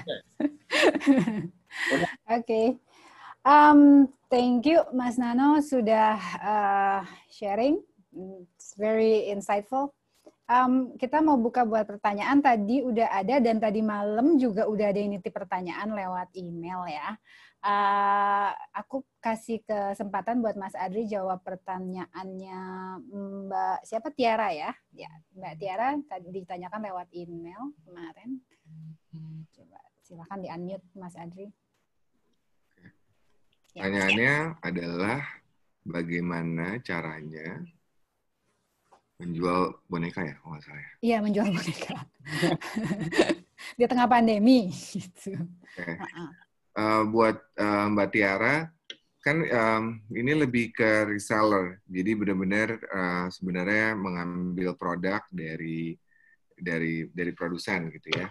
Di kondisi pandemik ini, I think you should have a, a lebih banyak uh, added value. Jadi menurut saya bisa dikombine antara uh, boneka yang memang sudah diambil. Karena saya nggak tahu ini jenis bonekanya apa. Uh, apakah boneka uh, anak kecil atau Barbie atau apa saya nggak tahu. Tapi menurut saya bisa dikombine jual uh, sebagai reseller, jual bonekanya itu uh, added value-nya adalah coba cari hal-hal yang juga berkaitan dengan apa yang sekarang ini uh, dicari orang. Jadi misalnya jual boneka tapi dibundle sama masker. Terus jual boneka dibundle sama hand sanitizer gitu ya. Itu itu yang pertama. Terus yang kedua, kalau misalnya Mbak Tiara itu uh, reseller dari beberapa jenis boneka, gitu, uh, coba kontak sama produsennya atau ownernya, itu bagaimana caranya mereka bisa memberikan sedikit diskon untuk Mbak Tiara, nanti dijualnya bundling juga. Jadi boneka A sama boneka B itu digabung, terus baru dijual, gitu.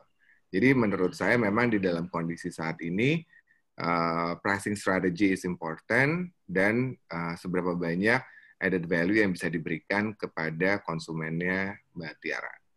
Kira-kira itu yang saya bisa pikirin. Uh, mungkin nanti kalau kita ketemu di kelas yang tanggal 25 ya Teh. Ya. Aku 25. Tanggal 25, 25 jelas lebih di, uh, mungkin aku bisa mikirin beberapa lagi, tapi menurut aku yang paling bisa dilakukan saat ini adalah itu. Thank you. Oke, okay, uh, eh, tadi juga ada pertanyaan di Q&A untuk Ko Fendi. Silahkan. Dari Daniel Roberto mengenai investasi. Oke. Okay. Di unmute dulu. Halo, ya. sudah ya. dengar? Ya. Oke. Okay. Ya, menarik banget pertanyaannya dari Daniel Roberto ya. Mm -mm. Hai Daniel, apa kabar? Uh, Daniel bertanya, berbicara mengenai investasi long term. Saat ini, apakah perusahaan X tempat saya bekerja tidak terpengaruh, sumpama terjadi ras nasabah yang menarik semua simpanannya ya. Kekuatan perusahaan tersebut, seandainya terjadi hal itu bagaimana? Oke, mau pencerahan. Nah, ini pertanyaan yang bagus banget. Kenapa? Karena kita nggak bisa apa menghiraukan saat sekarang almost 80% perusahaan yang ada itu mengalami dampak dari uh, pandemi ya. Artinya adalah ada yang berdampaknya tinggal tingkatan dampaknya aja nih. Ada yang berdampak secara worse, artinya mereka sampai tutup ya, sampai collapse gitu. Ada yang berdampak mungkin uh, 50%, kita nggak tahu juga sekitar 40 sampai 60 persen. Uh, mulai cuma lumayan goyang, tapi karena mereka masih punya cadangan dana daruratnya, perusahaan masih bisa keep going walaupun dengan mengurangi beberapa segmen uh, sumber daya manusianya supaya mengurangi cost dan menekan operasional. Ada juga yang mungkin berdampaknya sedikit. Nah, kalau di perusahaan saya bekerja di insurance eh, rata-rata ya rata-rata saat sekarang saya terakhir dapat info dari OJK itu kita berdampak ya lebih kurang sekitar 20 sampai 30 persen aja dari kondisi yang ada ini uh, goyangnya keuangan perusahaan itu 20 sampai 30 persen. Nah bersyukurnya di perusahaan saya bekerja sekarang itu kita terakhir kita diupdate di akhir uh, Mei 31 Mei itu kita cuma berdampak 3 persen. Ya ini ini luar biasa. Kenapa? Karena menurut saya uh, untuk melihat apakah perusahaan itu sehat untuk kita investasi jangka panjang, kita perlu lihat dulu perusahaannya dulu. Apa yang kita lihat? Yang pertama gini, kalau kita pribadi harus punya dana darurat buat hidup, kalau terjadi krisis, perusahaan itu harus punya dana darurat juga. Lihatnya dari mana? Lihatnya dari RBC. Apa itu RBC? Risk based capital. Nah, kalau mungkin strategic planningnya Mas Adri bisa menja menjabarkan lebih dalam ya apa itu RBC ya Mas ya. Karena itu kesehatan satu perusahaan, benar nggak sih? Nah, RBC itu menentukan perusahaan itu akan bertahan berapa lama di saat pandemi. Nah, kalau di perusahaan saya bekerja sekarang, RBC-nya adalah 512 persen. Artinya adalah kalau semua nasabah itu tarik duit depositonya atau reksadananya, sorry bukan deposito, tarik secara bersama reksadananya, kita masih punya lima kali lipat. Untuk apa? Untuk running perusahaan gitu. Jadi kita bisa hitung berapa lama bertahan, mungkin bisa 10 sampai 20 tahun ke depan. Ya, amit-amit pandemi itu terjadi, itu masih bisa mencukupi untuk uh, menjalankan perusahaan. Jadi kalau kita teman-teman mau menginvestasikan jangka panjang, sih lihat dulu cek kedalamannya. Di publik itu, di publish Kompas itu selalu kasih laporan keuangan update per tahun ya, habis setelah pajak lapor ya. Nah, di sana bisa kelihatan eh, perusahaan-perusahaan yang teman-teman mau taruh itu RBC-nya bagaimana, kekuatannya bagaimana, goyangnya sampai sejauh mana nih selama pandemi gitu kan. Nah, itu bisa kelihatan banget. Jadi asal mau tadi asal mau buka mata buka mindset ya berteman dengan teman-teman yang ada di bidang itu oke? Okay? belajar strategic planningnya segala macam dengan Mas Ardi nanti di Mas Adri di kelasnya. Nah teman-teman akan akan lihat bagaimana meng, meng, melihat perusahaan itu sehat atau tidak. Nah itu menentukan. Investasi teman-teman jangka panjangnya oke okay atau tidak gitu ya. Itu aja mungkin jawaban dari saya Pinky. Kalau ada pertanyaan lagi boleh. Thank you. Uh, yang mau bertanya lagi boleh di Q&A atau di chat Um, silahkan. Tadi udah dijawab yang Bapak Daniel Roberto. Yes. Yep. Ada lagi nggak? Silahkan. Kalau mau ada yang mau tanya.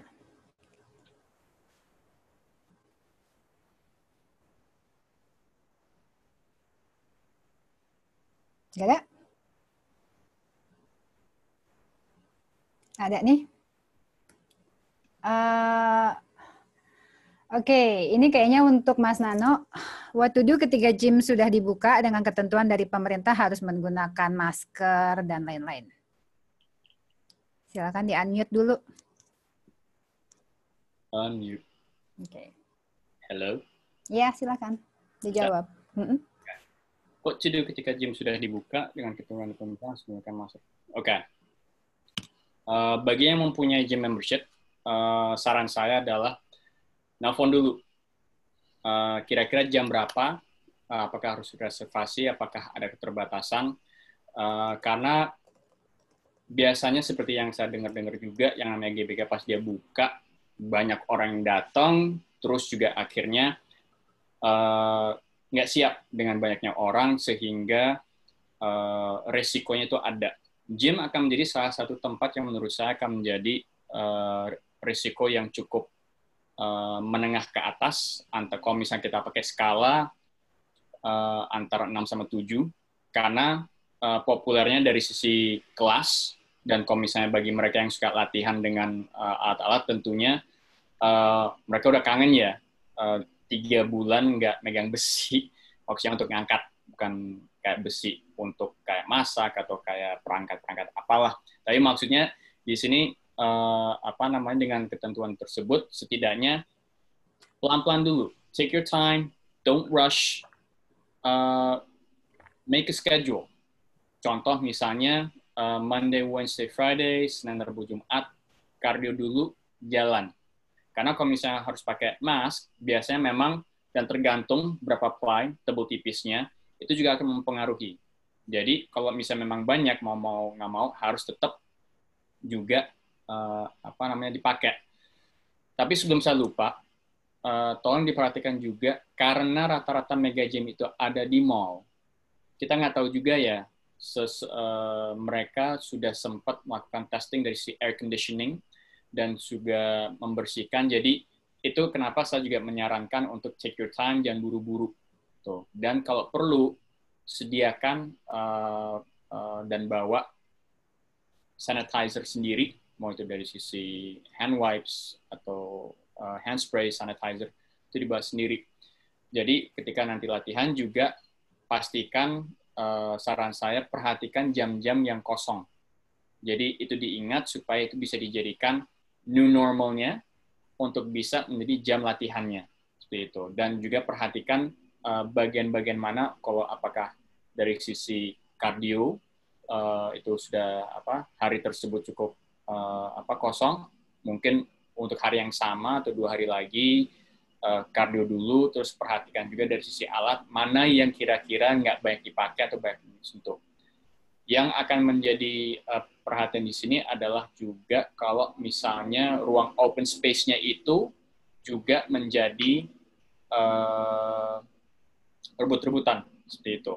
Jadi uh, saran saya juga secara garis besar hati-hati, jangan terlalu uh, berburu-buru, uh, pastikan juga uh, vigilant, jadi tetap waspada uh, supaya uh, ketika melakukan uh, gym itu juga uh, tetap tetap aman dan tetap uh, terjaga di sisi keselamatannya. Ada lagi pertanyaan ya? But is it safe to go to the gym considering current condition? The number of COVID infection is still increasing rapidly every day, or is still exercising at home? Okay.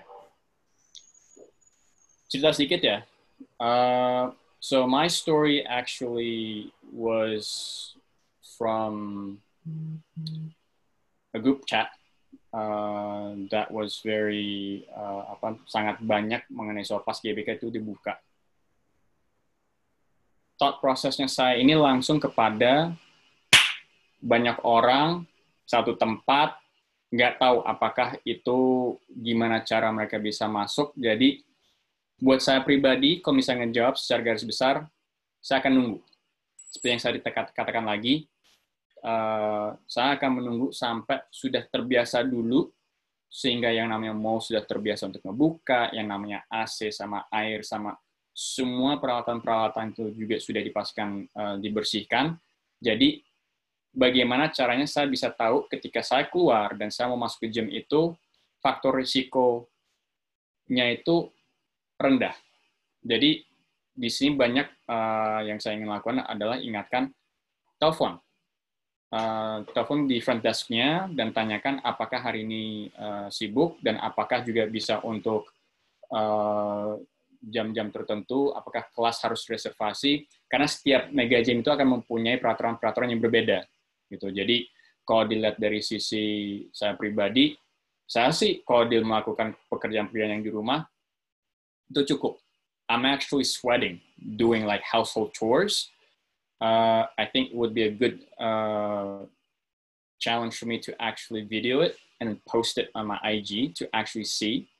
But again, it's just it's just a thought.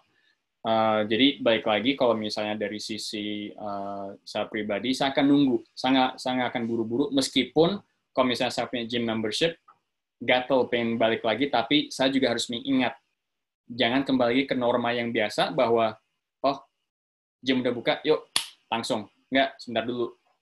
Tanya rame atau enggak kelas ini kalau misalnya suka ikut kelas kelasnya suka uh, rame atau enggak apakah ada pembatasan kelas seperti itu jadi pendek singkatnya saya akan menunggu dan saya akan tetap melakukan semua kegiatan di sekitar rumah saya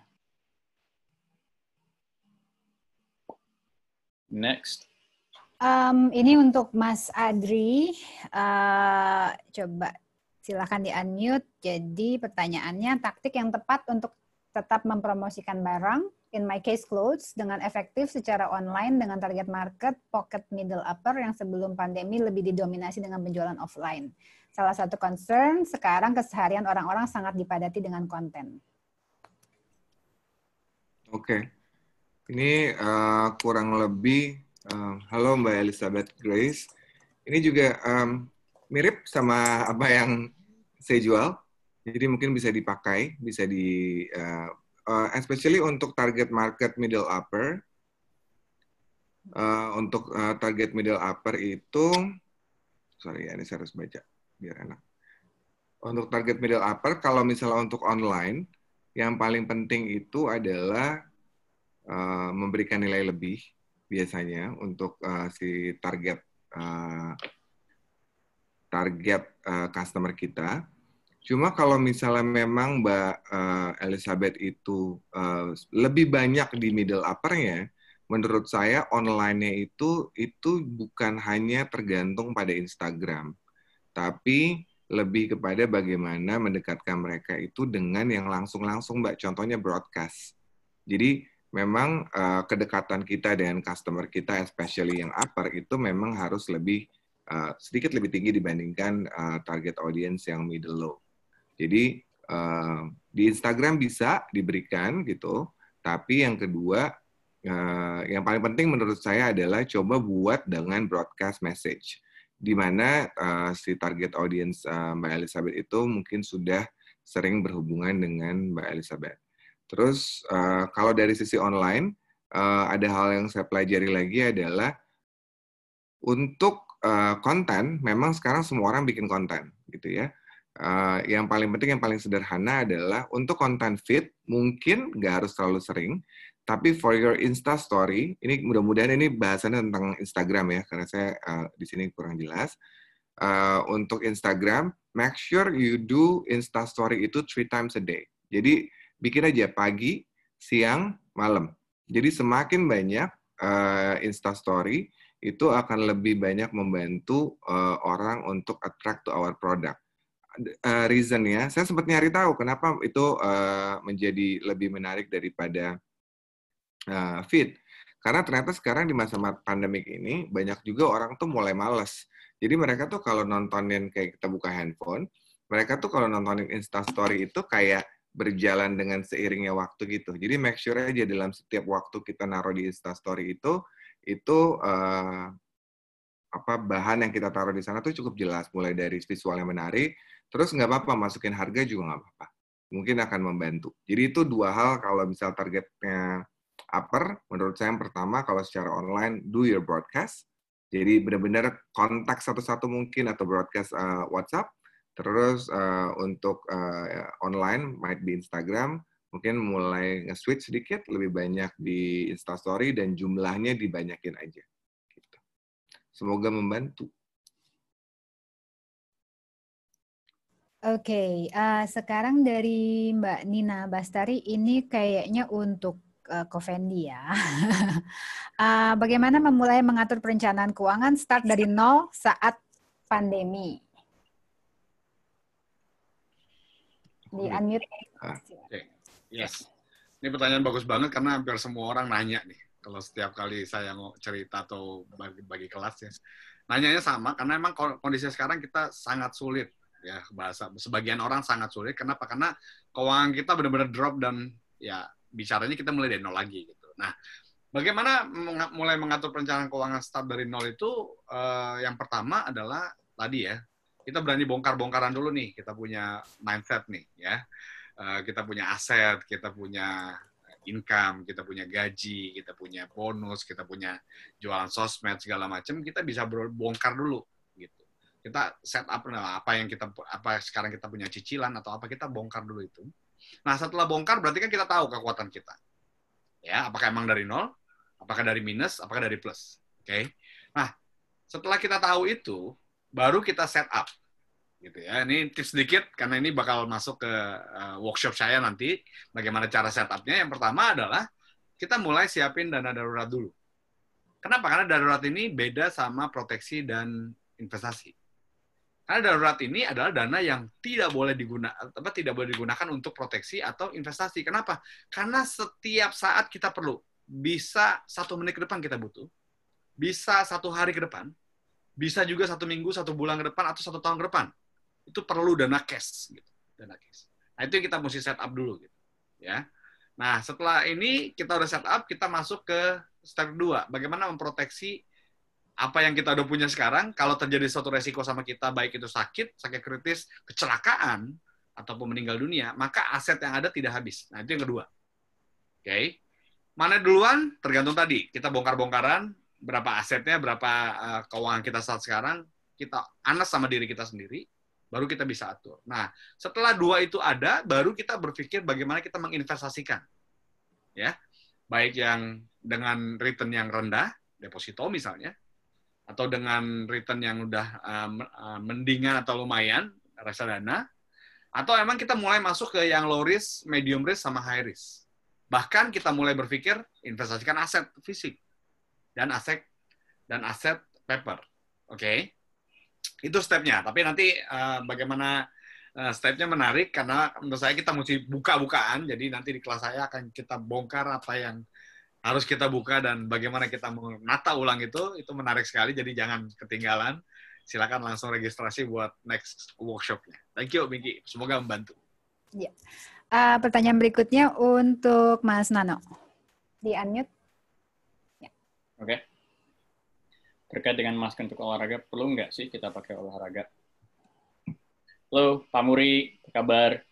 Um, ini banyak ya pertanyaan mengenai soal pemakaian masker untuk olahraga. Jadi, um, untuk menjawab pertanyaan itu, saya selalu akan menjawabnya dengan cara lihat situasi kondisi dulu kalau misalnya kita sedang mau melakukan aktivitas olahraga, apakah kita akan melakukan di tempat sendiri? Kalau misalnya di tempat sendiri, uh, mungkin nggak perlu ya, karena ya semua berada di lingkungan kita sendiri. Tapi kalau misalnya kita mulai kayak jalan keluar depan rumah kita, perhatikan dulu apakah banyak orang.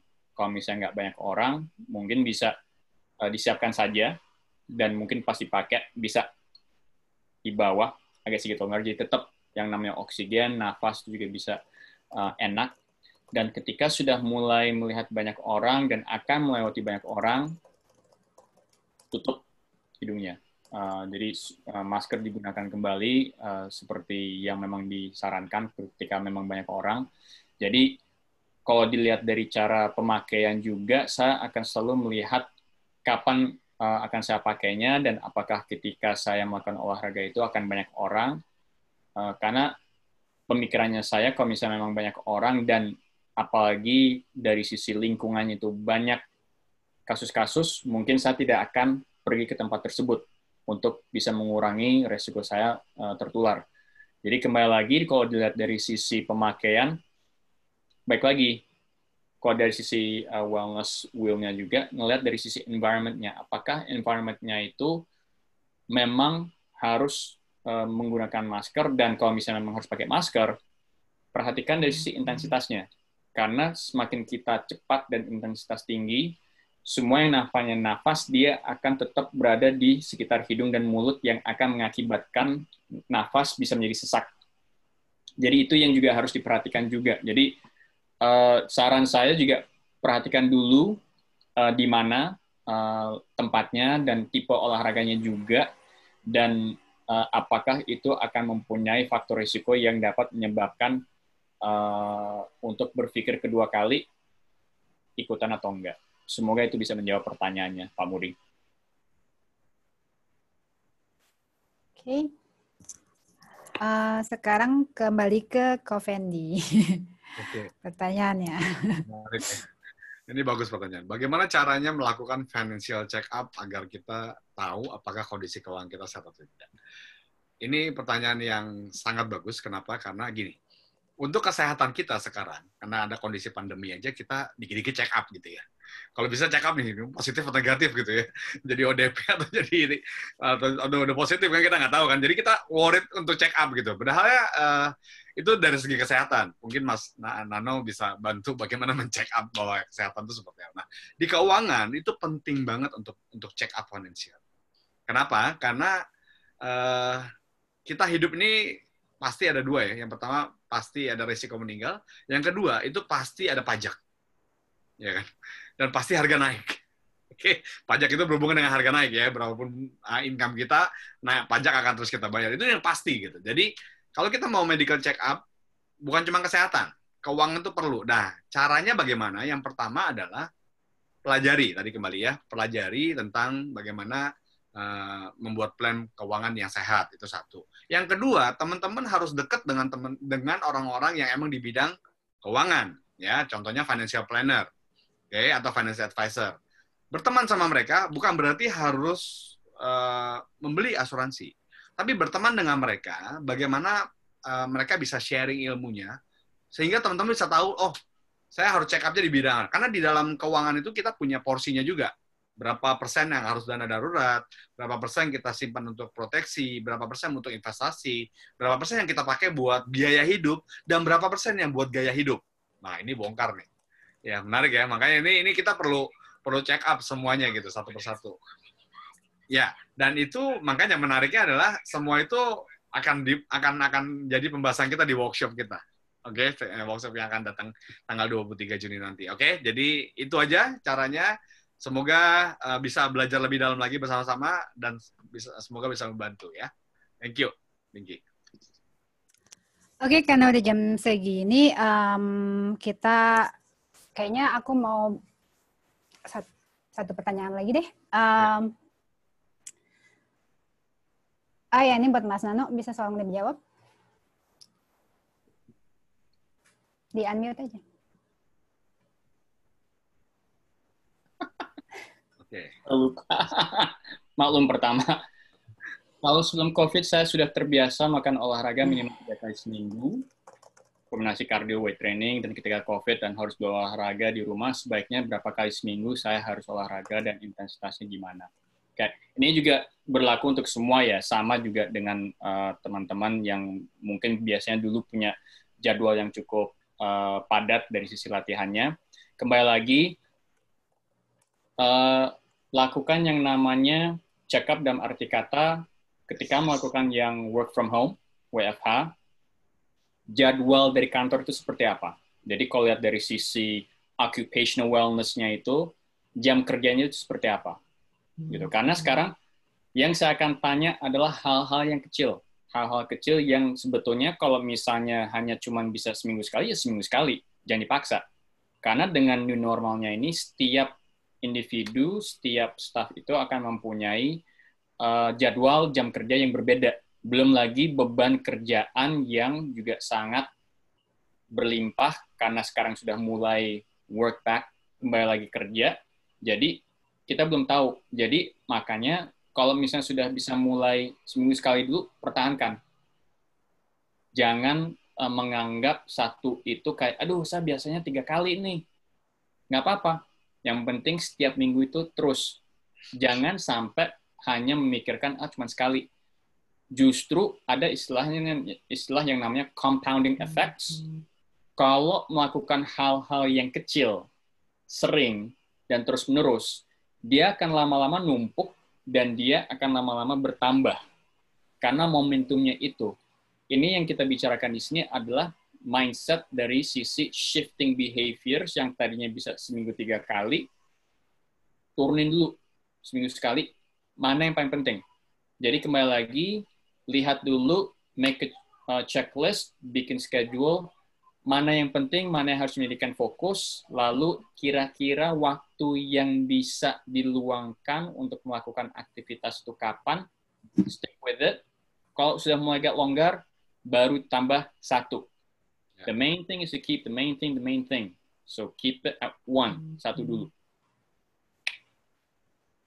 Oke, okay, um, kita akan wrap up this webinar. Uh, terima kasih untuk semua yang udah datang dan udah nanya-nanya. Uh, seperti tadi kita bilang, kita juga akan launching kelas-kelas uh, baru ya. Um, jadi saya akan mau share screen sebentar. um, saya mau kasih lihat kelas-kelas kita. Ya, jadi kita ada special webinar offer uh, untuk kelas yaitu kelasnya Mas Nano, kelasnya Ko Fendi ataupun uh, kelasnya uh, Mas Adri. Um, Mas Nano itu hari Sabtu minggu uh, hari Sabtu dua minggu lagi tanggal 27 uh, Juni jam 3 sore dia akan membahas mengenai uh, membangun blueprint buat kesehatan dan wellness kita. Kalau Kovendi tadi sudah disebut juga sama orangnya sendiri nanti di uh, tanggal 23 ya. Pokoknya itu tuh kita harus banget deh kayaknya tuh ikut kelas itu karena it's really fundamental buat kita untuk mengerti bagaimana cara mengatur keuangan dan tentunya jangan lewatkan kelasnya Mas Adri juga tanggal 25 jam 8 malam itu yang akan membahas tentang the four P's in marketing dan bagaimana kita bisa menggunakannya untuk uh, untuk membuat produk kita jadi lebih elevated, jadi lebih bagus gitu. Oke, jadi nah untuk uh, hari ini sampai besok sore 24 jam dari dari semin, uh, dari webinar ini selesai, jadi sekitar jam setengah lima sore besok dapat 25% off untuk setiap kelas. Oke, okay? Atau jadi kalau misalnya apa kalau misalnya udah di bundle semua jadinya murah banget kan tuh. Nah, sesudah itu, sesudah 24 jam masih bisa dapat bundling uh, tiga kelas jadi 275.000. Jadi um, either atau kembali ke uh, harga yang penuh yaitu 100.000 per kelas gitu. Oke, okay, jadi kalau misalnya emang tertarik mau ikutan kelas-kelas uh, bapak-bapak tadi, bisa silakan ke website kita di www.belajar uh, tanpa bertemu.com dan langsung sign up aja. Ingat ya, 24 jam dapat diskon uh, 25%. Thank you semua udah datang, thank you semua udah mau partisipasi dan bertanya-tanya. Um, kita sangat berterima kasih sama kalian udah ini udah membantu kita untuk uh, rame-rame ngobrol-ngobrol di sini. Um, kalau ada masih ada pertanyaan buat para panelis, boleh ya di uh, eh, DM aja ke belajar tanpa bertemu di IG-nya @belajar tanpa bertemu. Nanti saya um, lanjutkan ke apa semua panelis di sini um, biar mereka bisa menjawab langsung ke di apa di IG story kita. Terima kasih. Um, see you semua.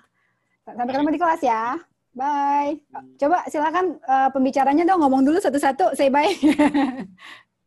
Mas Nano, silakan. Oh, oke. Okay.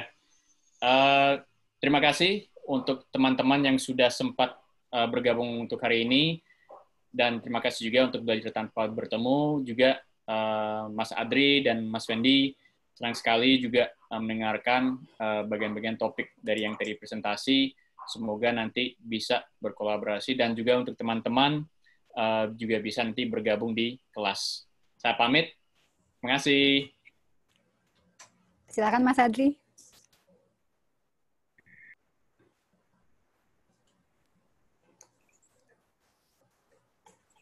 Silakan. Oke. Okay. Ya, buat teman-teman, um, terima kasih atas waktunya untuk belajar bareng di Belajar Tanpa Bertemu. Terima kasih juga untuk Belajar Tanpa Bertemu dan mengundang saya dan Mas Nano dan Mas Fendi. Um, kita bertemu tanggal 25 untuk kelas saya, tapi menurut saya sebenarnya these three classes is actually uh, completed each other. Jadi udah sehat badannya, sehat mentalnya, udah gitu. Uh, yang paling penting tuh abis itu ngurusin duit-duitannya dulu ya itu sama Mas Fendi tuh buat jelasin tuh mau sebenarnya uangnya seperti apa uang yang kita punya seperti apa kemudian mungkin bisa ikut kelas saya untuk kira-kira uang yang kita punya tadi itu bisa digunakan atau dibikin bisnis seperti yang bapak atau ibu atau teman-teman inginkan kurang lebih begitu sampai ketemu di kelas kita bertiga jangan lupa uh, langsung sign up ya tiga-tiganya. Yeah. Thank you. Ko Fendi silahkan. Oke, okay, thank you semua, terutama untuk uh, belajar tanpa bertemu ya kesempatan dikasih yang luar biasa, thank you buat Binky dan Jessica, juga Mas Nano dan Mas Adri, keren banget Mas kita, saya juga mau belajar lagi kalau saya kayaknya. Oke, okay. dan buat teman-teman semua, uh, thank you banget partisipasinya luar biasa dan jangan ketinggalan karena saya kasih bonus robot WA itu dan ada beberapa bonus untuk belajar di, uh, digital di Facebook. Saya akan kasih semuanya bagi teman-teman yang bisa daftar satu kali 24 jam. Jangan lupa dan stay tune ya dengan apa yang uh, kelas-kelas yang kita punya ya. Langsung daftar ke belajar tanpa bertemu. Ketemu nanti di kelas kita. See you dan thank you. Oke, okay. see you everyone. Sampai ketemu di kelas-kelas kita. Bye. Bye. Bye. Thank you udah dengerin uh, webinar kita. Um, this is just a preview dari kelas-kelas yang akan datang. Jadi um, just head over to www.belajartanpabertemu.com untuk sign up for our next classes ya. Thank you. See you next time.